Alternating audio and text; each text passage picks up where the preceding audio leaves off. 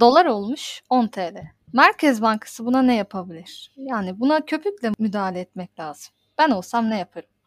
10 milyon dolar şakkadan aksatarım. Şaşırırlar bir. Niye satıyor? Nasıl satıyor derler. Arkadan bir 10 milyar daha satarım. 20. Yetmedi bir 10 daha satarım. Çil yavrusu gibi dağılırlar. Dağıldılar mı İlkan? Ya ayrıca dağılmadılar.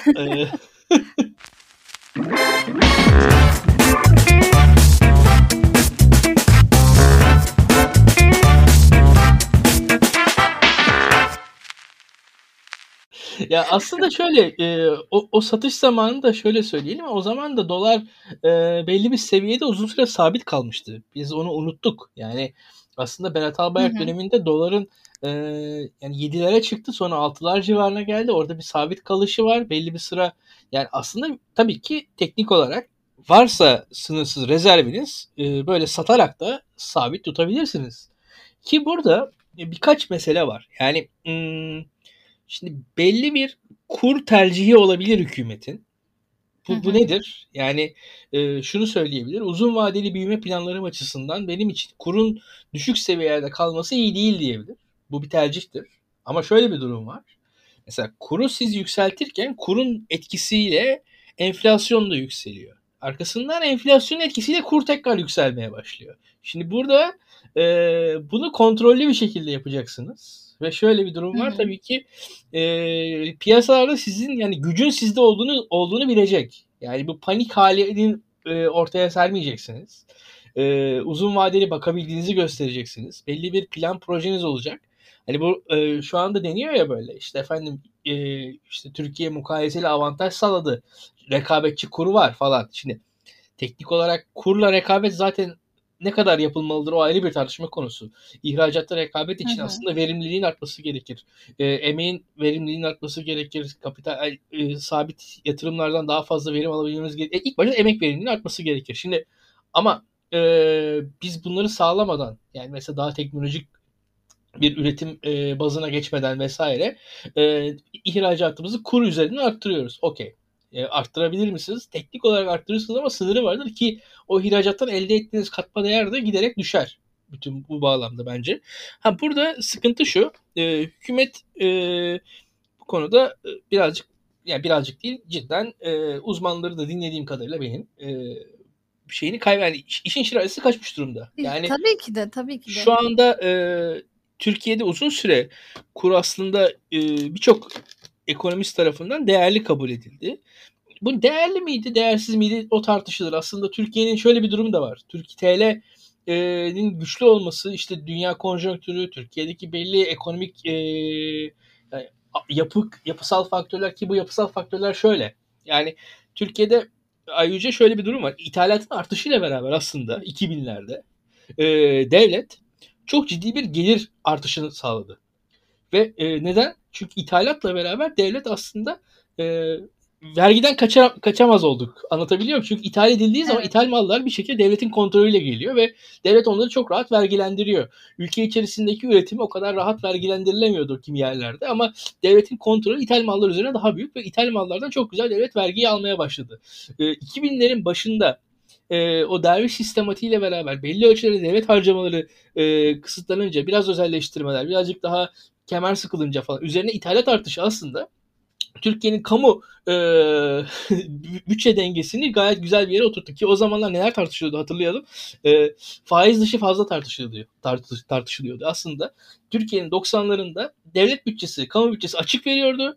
Bir anda kamu açığını finanse etmek için aslında özel e, tasarruflar üzerine devlet bir şekilde e, çöküyordu. Devlet onları yüksek faizle kam, e, halk, halkın parasını alıyordu. Halkın parasını parayı halktan toplayan bankalar parayı devlete satıyorlardı aslında. Çok kolay Hı hı. bankacılık yapılıyordu. E, bu sistem bitti. Ne, ne oldu? Bankalar bu sefer parayı halka satmaya başladılar. Bizim kredi kartlarımız arttı falan filan. Bu da aslında yanlış bir şey değil. Çünkü Borçlanma halkı, arttı.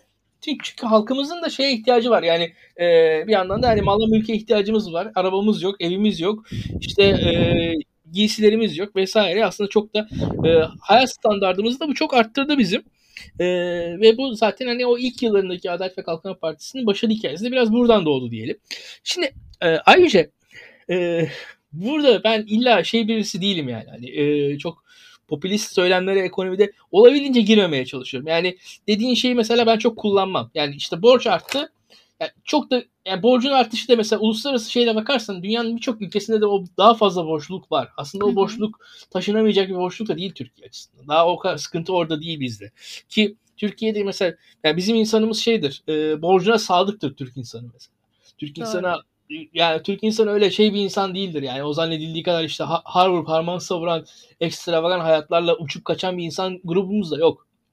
Tabii ki tasarruflu olmak lazım. Tabii ki tasarruf özendirilmeli. Tabii ki insanlara oh ne güzel borç alın harca denmemeli ama aslında tabii ki hani burada mesele o değil. Yani mesele şu anki e, hükümetin bir e, paradigma değişimine doğru gittiği e, bir noktadaydık biz.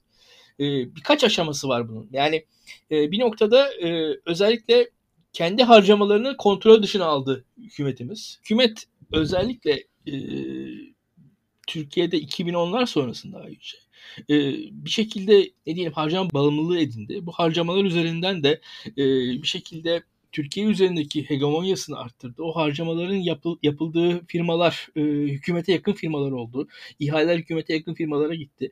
Buradaki düzen adım adım bozuldu. Devam edelim. E, bu düzen bozulması sırasında aslında bir yandan da e, dışarıdan içeriden e, tepkiler geldi hükümete. Hükümet bu tepkilere karşı otoriterleşme yolunda tercihlerde bulundu. Türkiye'nin e, şunu söylemek lazım. Yani esasında olumlu bakmak lazım. Yani nedir? Türkiye'nin ana dinamikleri, halkı, e, Türkiye'nin insanı, Türkiye'nin işte doğası, e, Türkiye'nin kaynakları, Türkiye'nin itibarı. Bunların hepsi Türkiye için geleceğine dair çok olumlu şeyler. Şöyle söyleyelim ama hükümet bu son 10 yılda giderek daha kendi e, Türkiye'ye dair gelen e, daha doğrusu kendisine dair gelen eleştirilere karşı korumacı bir tavır aldı. Kendisine de kendi geri çekildi ve uluslararası sistemden kendisini direkt olabildiğince soyutlamaya çalıştı. E, bunlar zaten biz şeyle beraber gördük. Faiz konusunda hükümet Lobby kendi söylemi de tabii. Efendim? Tabii tabii tabii faiz lobisi. Aynen öyle faiz lobisi söylemi.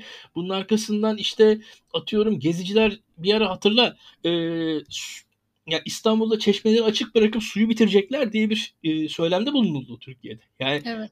böyle e, olabildiğince fantastik noktaya gitti olay. Bakın şöyle bir durum var Ayyüce. Hükümetin kendi atadığı, kendi atadığı bürokratlarına dair, e, Merkez Bankası bürokratlarına dair, e, hatta bakanlarına dair. Yani bugün e, Ali Babacan şu an farklı partide ama mesela Mehmet Şimşek için de, Ali Babacan için de e, çok ağır ifadeler kullan, kullanıldı. Bugün Naci Ağbal için benim getirdiğim eleştirinin çok çok çok daha ağırını Yeni Şafak getirdi. Yani ben daha yeni, Naci Ağbal şu an Adalet ve Kalkınma Partili bir bürokrat, yarı siyasetçi. Naci Ağbal hakkında Yeni Şafak'ın söylediği lafların yarısını etmedim. Hatta daha ileri gideyim ben ayrıca. Berat Albayrak McKinsey ile anlaştıktan sonra Akit'te çıkan şeyleri Berat Albayrak için daha ben söylemedim. Ya korkunç, ya korkunç bir şey bu. Böyle yani o, olay e, ekonomik konusunda en ufak bir hareket vatan hainliğinden başlıyor bu hükümet tarafında ve bu e, mantalite içerisinden zaten pek bir şey çıkmaz. Yani hani benim gördüğüm Hiçbir kadar alanda çıkmaz. Sadece ekonomide de değil yani değil mi? E öyle. Öyle çıkmıyor zaten. Ki bak iddialıyım. Yani Türkiye açısından yani e, ben iyimser yaklaşan bir insanım. Çünkü birazcık da hayat tecrübesi buraya getirdi. Ben 2000'lerin başında 2001 krizi yaşanırken yani o krizin e, kalıcı olabileceğini falan düşünenlerdendim. Sonra görüldü ki o kadar kalıcı değilmiş. Türkiye'nin kendi iş dinamikleri e, dünya ile ortaklaşa Türkiye'yi bayağı bir yükseltebildiğini gördüm. E, burada da aslında şunu söyleyelim. Bütün bunlar yaşanırken Türkiye aslında iyi direniyor. Yani Türkiye'nin iç iç e, girişimci dinamiği, insanların çalışma iş, iştiyakı Türkiye'yi yine ayakta tutuyor diye düşünüyorum. Bu e, dolar vesaire konusunda da şöyle bir durum var. Hükümet artık e, yani ne yapacağını bilmiyor. Bir şekilde e, yani bir ölçüde şunu görüyor. Artık e, kendisi şunu hissetti. Enflasyona dair elinde çok fazla enstrüman kalmadığını düşünmeye başladığını düşünüyorum. E, ve enflasyonu bir noktada e, boş vermiş durumda. Biz artık hani dolar konusunda da şöyle dolar konusunda da yani e, şunu söyleyeyim. Tabii ki dolar 10 lira olması çarpıcı. Ama şunu söylemek lazım doların 3 liradan 4 liraya çıkması yani doların tabii 9 liradan 10 liraya çıkmasından çok daha büyük bir olaydı. Bugün evet. artık biz tabii her her 1 liralık olayda şey yapıyoruz ama artık, artık bilmiyorum hani. Hiçbir şeye şaşırmıyoruz yani. Aynen ya şu an 10 liradan 11 liraya çıkması aslında yani doların teknik olarak Yani 3 liradan 3 lira 30 kuruşa çıkmasıyla eşit. Aynı şey. Ama e, tabii ki bu daha fazla etkiliyor insanları. Şurada şöyle bir durum var ayrıca. Yani e, hükümet özellikle döviz konusunda elindeki e, barutu harcadı. Bence boşuna harcadı hatta. E, çok saçma sapan bir şekilde harcadı. Özellikle yerel seçimlere yönelik bir harcamalar da yapıldı. E, onun arkasından e, işin gitmeyeceği belliydi. Ki öyle bir durum var ki e, dolar e, bırakılsaydı nereye kadar yükselebilirdi zaten? E zaten yükselse yükselse buraya kadar yükselirdi. Daha da fazla bir yere yükselmezdi. En azından o, e, dolar 10 lira olduğu zaman hükümetin e, rezervleri kuvvetli halde kalırdı. Hiç gerek yoktu bütün bunlara. Şimdi önümüzde çok daha tehlikeli zamanlar var. Gerçekten işte önümüz kış doğalgaz harcamalarını falan e, daktilo Tabii sen konuştuk. zaten programda evet konuşmuştun. Yani e, tehlikeli şeyler geliyor gerçekten geliyor. Ha, nedir? E, ha, yani sonuçta e, yaşayacağız hayatı. Çok da ürkmeye korkmaya da gerek yok. E, ama e, şöyle söyleyeyim ben bu e, noktada hükümetin e, hareketlerini kısa dönemli, e, çok kısa vadeli ve acemice görüyorum. Açık konuşayım. Ve e, birazcık da şöyle bir durum var. Anlık bakmaya çalışıyor ve anlık baktıkça da e, her yaptığı hareketle başka bir şeyi bozuyor yani şu anda. Öyle düşünüyorum. E, ve bu, bu bozmalar devam edecektir gibi geliyor bana. E, ve şöyle aslında arkada e, düzeltilebilir dinamik var. Ben e, pandeminin başından beri e, senle de yayınlar yaptık. E, bu ekonomiyi bana birkaç defa sordun. Hepsinde de birazcık iyimser yaklaştığım yerler oldu. Dikkat et. Yani e, evet. genel yorumculara göre birkaç konuda hani tamam biz hani ağır muhalifiz bir taraftan eyvallah ama yani e, bir noktada aslında o kadar şey değil. Türkiye'de var o potansiyel. Görüyorsunuz. Yani şimdi mesela işte pandemi koşullarında Çin'e karşı dünyada oluşan tepki, e, dünyanın tedarik zincirlerinin bu kadar uzamasından yaşadığı gerginlikler, sıkıntılar, e, birçok yerde yeni yeni bottlenecklerin oluşmasıyla beraber endüstrilerin yaşadıkları sorunlar Türkiye gibi üretim kapasitesi yüksek, üretim alışkanlığı fazla olan bir ülkede aslında büyük fırsatlara yol açıyor. Şu an gerçekten Türkiye'de e, yani şunu söyleyebilirim şu an e, yani birçok yani işçi yok deniyor ya mesela. Hı hı, hı. Şimdi gerçekten aslında işçi yok şu anda. Çünkü Türkiye'nin üretim sektörüne şu an ciddi talep var dünyada. Çünkü dünyada üretim şeyleri, e, tedarik tıkanmış zincirleri çok vaziyette. ciddi. Efendim? Tıkanmış vaziyette. Tabii tabii çok tıkanmış vaziyette ve Türkiye aslında orta kademe e, çok sayıda ürünü, orta teknoloji çok sayıda ürün üretebilecek bir ülke. Ve burada ya gerçekten şu an sanayiye falan gittiğiniz zaman işçi arıyorlar. Yani işçi arıyorlar öyle bir şey gerçekten var. Ama e, öyle bir durum yaşanıyor ki Türkiye'de atıyorum. Türkiye'de sanayinin olduğu yerlerde bir bakıyorsunuz e, etraftaki binalarda emekli insanlar yaşıyor. Yani öyle bir şey de var yani bir e, planlama hatası falan da var Türkiye'nin şehircilik sorunları vesaire de var. Gerçekten böyle tamam. garip durumlar. Mesela e, geçen gün e, bir sanayici arkadaşımla oturduk konuştuk. Ya diyor iş başvuruları var. Adamı işe alacağım ama şehrin öbür tarafında oturuyor aslında diyor. O işe gelip gelip çalışamaz diyor orada. Ben onu yani iş yerine yani işten eve evden işe gidemez o artık diyor. Yani, yani iş yeri şu an çünkü şehir dışına artık gelmiş durumda. Bu tarz sıkıntılar da var Türkiye'de. Ha, ama şunu söyleyeyim ya Türkiye'de belli bir üretim kapasitesi var. Belli e, bir kalite var aslında. Bu, bu, bunun üzerine çok rahat çıkabiliriz. Çok daha ileri gidebiliriz. Türkiye'nin e, farklı farklı alanlarda potansiyelleri var. Yani en basitinden pandemi sırasında gördük. Dünyada binlerce, binlerce dünyada yüzlerce ülke var mesela maske üretemiyor. Atıyorum e, işte o e, solunum cihazı üretemiyor yüzlerce ülke. Türkiye solunum cihazı da üretebilir, maske de üretebilir. İşte atıyorum dezenfektan da üretebilir. Mesela stand bu tarz çok dehşetli teknolojiler olmayan şeylerin hepsini Türkiye üretebilir. Ha ne olur? Türkiye mesela şu an işte mRNA aşısı üretemedi klasik aşıyı işte üretti üretecek diye bekliyoruz hala. Türkovak'ı bekliyoruz. Şimdi hani de Türkiye belli teknolojilerde bir yere kadar gelmiş. Belli noktalarda gelememiş. Ee, dünyanın öyle en e, başarısız ülkesi de değil. En başarılı ülkesi de değil. Yapacağı çok şey var aslında. O potansiyel de hani şöyle söyleyelim.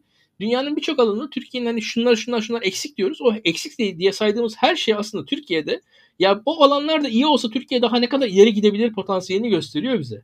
Yani bir yatırımcı mantığıyla bakalım. Tamam mı? Yani şu an düşün Türkiye'de şunlar şunlar şunlar eksik. Doğru. E şimdi Türkiye onlar eksikken bu halde. Türkiye onları tamamladığı zaman belki daha, daha ileri gidecek. Bu o anlama gelir. Hani o eksikler aslında tam olsaydı ve biz hala bu noktada olsaydık aslında daha kötüydü belki de. Öyle düşünmek lazım. Yani illa kötümserliğe gerek yok ama tabii ki şu an Türkiye kötü yönetiliyor. Türkiye'nin şu anda e, açıkçası doların 10 lira olması şöyle bir durum şu an ayrıca. Şu an Türkiye neredeyse cari fazla veriyor. Şu an Türkiye zaten dolar Yani böyle, bütçe- böyle bir şey normalde mümkün Şimdi- olmayacak bir şey ama Aynen. artık Ama ama neden Şey, cari fazla yerlerde. verince dolar yükseliyor?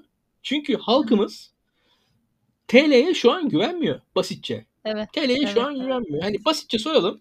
Şimdi Ayyüce sana diyelim eee, işte piyangodan işte 100 bin TL çıktı.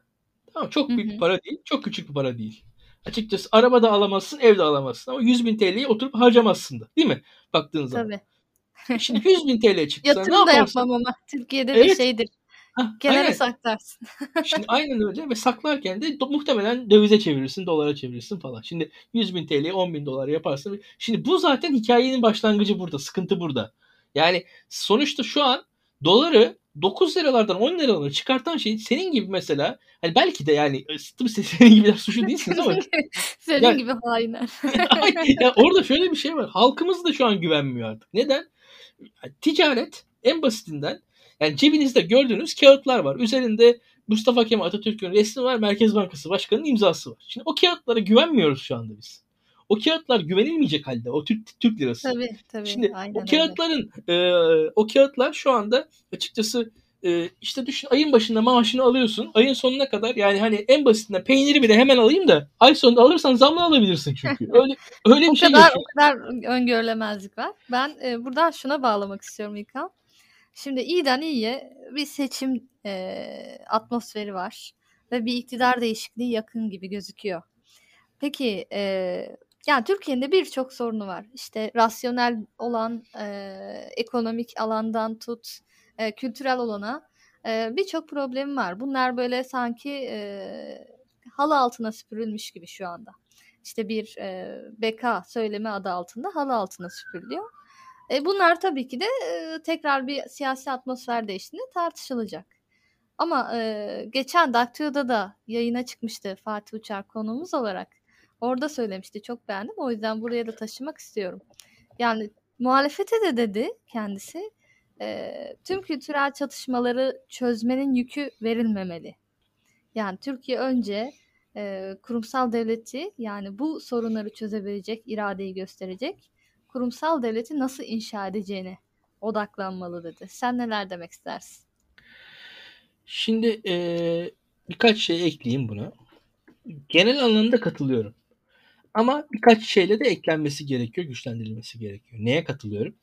Şu an Türkiye'nin önünde bir seçim var. Bu seçimde Ayyüce e, tabii ki Türkiye'nin aydınları bu seçim sonuçlarından ümitliler. Bu seçim sonuçlarında bu seçim sonuçlarına başka şeyler yüklüyorlar.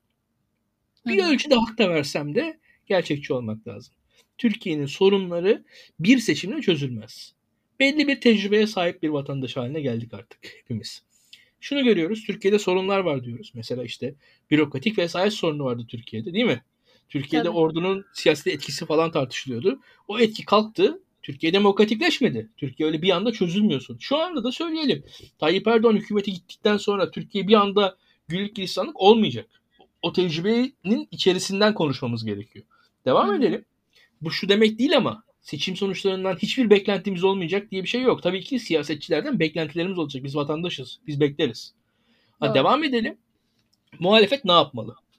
Muhalefet evet Türkiye'nin tüm sorunlarını bir seçim sonucuyla beraber çözemez. Yani Türkiye'nin Kürt meselesi bir seçim sonucuyla çözülecek bir mesele ne yazık ki değil. Açık konuşalım. Bu iş böyle bir anda hallolmaz. Ha devam edelim. Ee, Kürt meselesi gibi meseleler teorik olarak zaten total olarak e, teoride bence total olarak asla hallolmaz. Ama nedir? Bunu siz e, bir demokratik bir standartları oturtursanız, insan hakları, kültürel değerler vesaire bunları oturtursunuz. Belli bir refah düzeyini oluşturursunuz. E işte atıyorum şiddetten e, vesaire e, sahayı arındırırsınız. Mesele belki bir yerlerde bir mesele daha devam eder. Ama o meselenin devam ediyor oluşu e, yaşanabilir, sürdürülebilir bir hal almış olur. Yani şu andaki gibi e, bir noktada olmaz e, diye düşünüyorum bir defa. Ya bu şey gibi. Yani düşün e, Al- Almanya'da da mesela protestanlarla katolikler arasında sorunlar var mı? Var. Ama sürdürülebilir bir noktada. da var. Tabii şimdi bu yani bu, bu Şimdi dünyanın sorunsuz hale gelmesini zaten hayal etmek birazcık ilkel bir durum bence. Hatta yani erken modern dönemdeki biraz e, ne diyelim biraz pozitiviz biraz ben falan. Yani öyle ideal bir dünya hatta biraz Platoncu falan yani öyle bir şey hayal etmeyelim. Yani bu dünya her zaman hatalarıyla, eksikleriyle, çatışmalarıyla falan var olacaktır. Ama şudur. Bu dünyayı daha hani bu şurada şu anki örnekte Türkiye'yi yani bu çatışmalar, sıkıntılar, zorluklar falan bunlar olacak ama bunu daha yaşanabilir, daha medeni, daha modern bir e, zemine biz çıkartabilir miyiz? En azından onun tartışmasını yap- yapıyoruz. Biz bunu bilerek konuşalım. Devam edeyim. Hı hı. E, burada tabii e, şu demek değil, muhalefetin sorumluluğu yok demek değil. Yani nedir bu? E, birincisi mesela çok basitinden e, şimdi Cumhuriyet Halk Partisi'nin bazı eylemleri var mesela görüyoruz işte e, mesela Ekrem İmamoğlu İBB TV'de bakıyorum ben ya Türkiye'de benim hmm, ya Türkiye'de hani yandaş kanallarda gördüğüm kadar mesela başörtülü muhabir İBB TV'de çalışıyor. Belli. Çok güzel bir şey. Orada belli bir mesaj da veriliyor. Hissediyorsunuz onu siz. Anlatabiliyor muyum?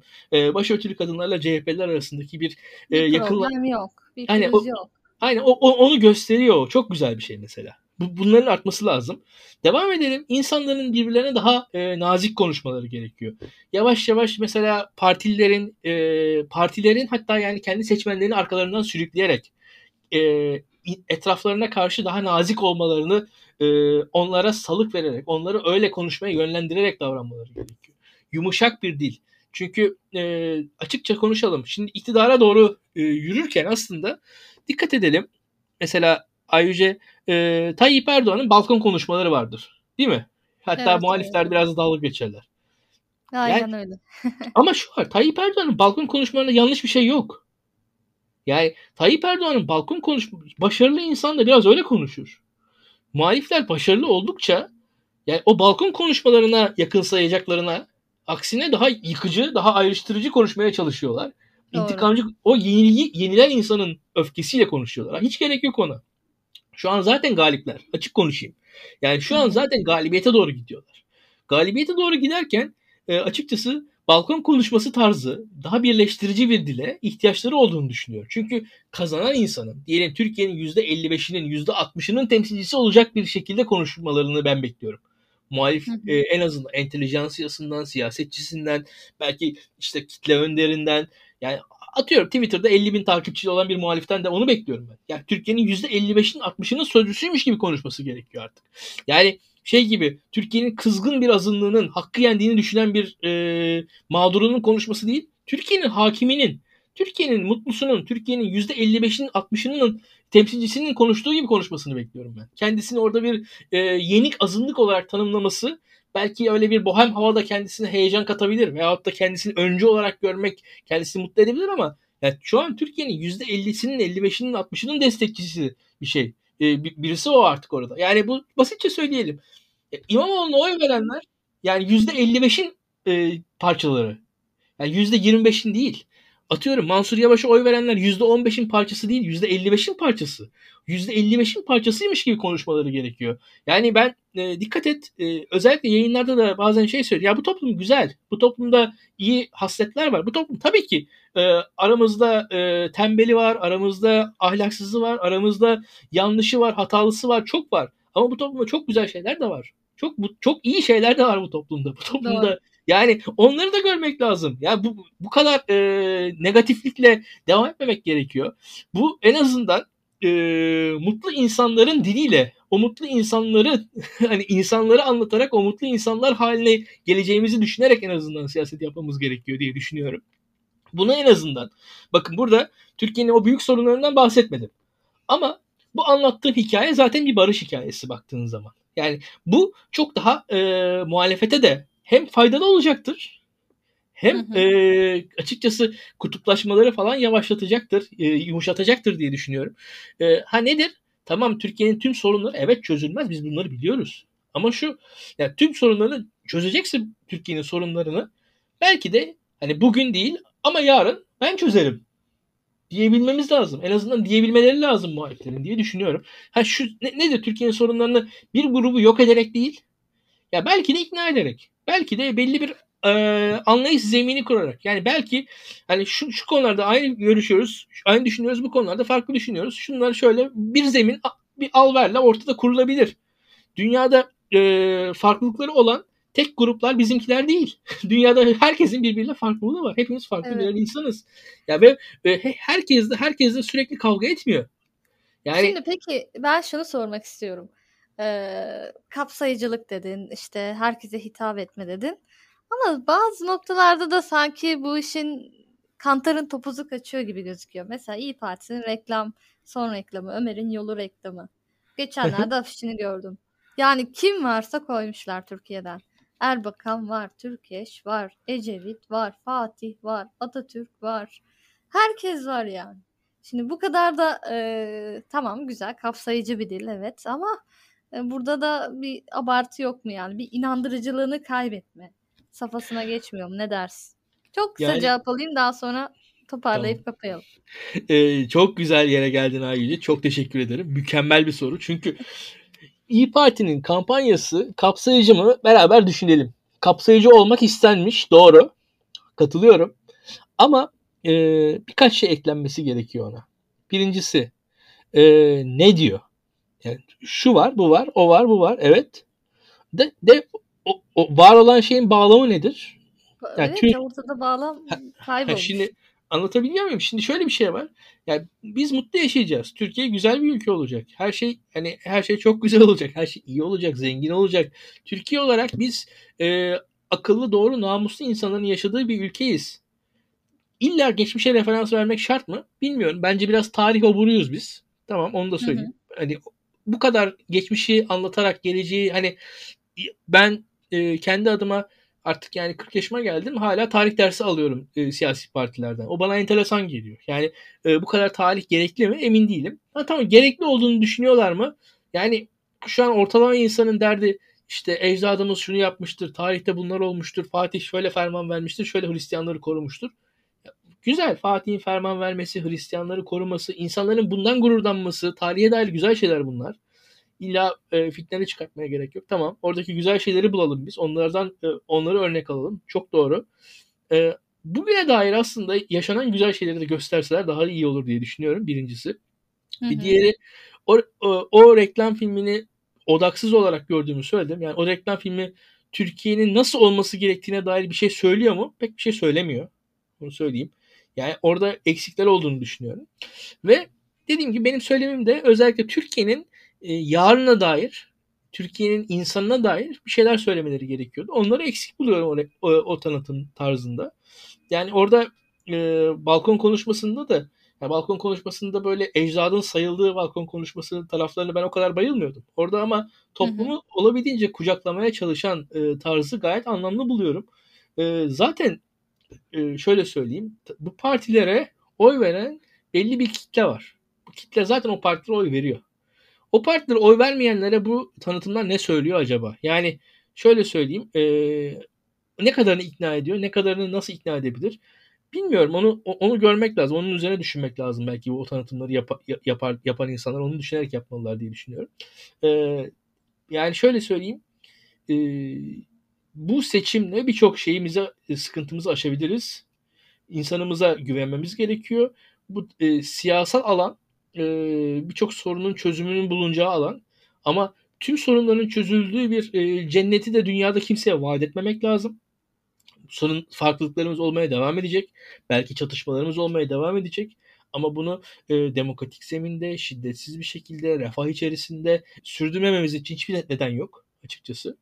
E, bütün bunlar ötesinde kendi yeni söylemimizi geleceğe dair bir şekilde kurmamız gerekir diye düşünüyorum. Evet, e, ben de son olarak şunu ekleyeyim. Zaten nerede bir yenişememe varsa, rekabet böyle yakınsa orada mutabakat çıkıyor. Yani bugün muhalefetin bir araya gelip e, her türlü çatışmayı bir kenara bırakarak e, seçim sürecini yürütmeleri de bu mutabakatın doğmasının önünü açan yegane şey diye düşünüyorum. E, uzun zaman sonra tekrar bir bölüm daha çektik. Benim taşınma süreçlerim dolayısıyla bir müddet dinleyicilerimizden ayrı kaldık ama bu bölümde tekrardan sizlerle olduk. Bir sonraki bölümde görüşmek üzere. Teşekkürler İlkan. Güle güle Ayrıca.